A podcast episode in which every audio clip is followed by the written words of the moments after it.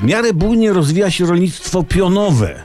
Rolnictwo pionowe, które jak twierdzą naukowcy pomoże w przyszłości wyżywić ludzkość, bo ono jest odporne na zmiany pogody.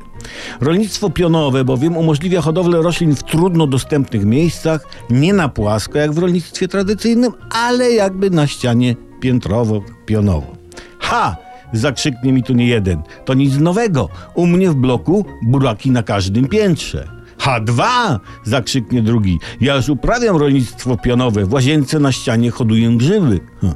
A pozwolenie z administracji cwaniaczku masz? To siedź cicho. Ja też, słuchajcie, kiedyś dokonałem podobnego do rolnictwa pionowego wynalazka, a mianowicie skonstruowałem pionowy wałek do ciasta. I teraz wałkiem poziomym robi się placek z poziomkami, a wałkiem pionowym z pionkami. To jest, to jest duże ułatwienie, naprawdę. I rolnictwo pionowe jednakowoż rodzi pytanie, czy rolnik zajmujący się rolnictwem pionowym uprawia rośliny leżąc. No to by było nawet wygodne. Rolnik, rolnik leży i mu rośnie. A warto się tu zastanowić, czy możliwa jest pionowa hodowla zwierząt hodowlanych. No myślę, że tak. I, I nie chodzi tu o to, by przywiązywać cielaczki czy prosiaczki do ściany, ale gdyby tak każdy na balkonie w bloku hodował jakieś zwierzę, to moglibyśmy mówić o hodowli pionowej.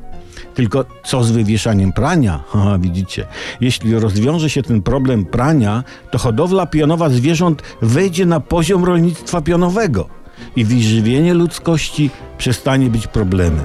Super!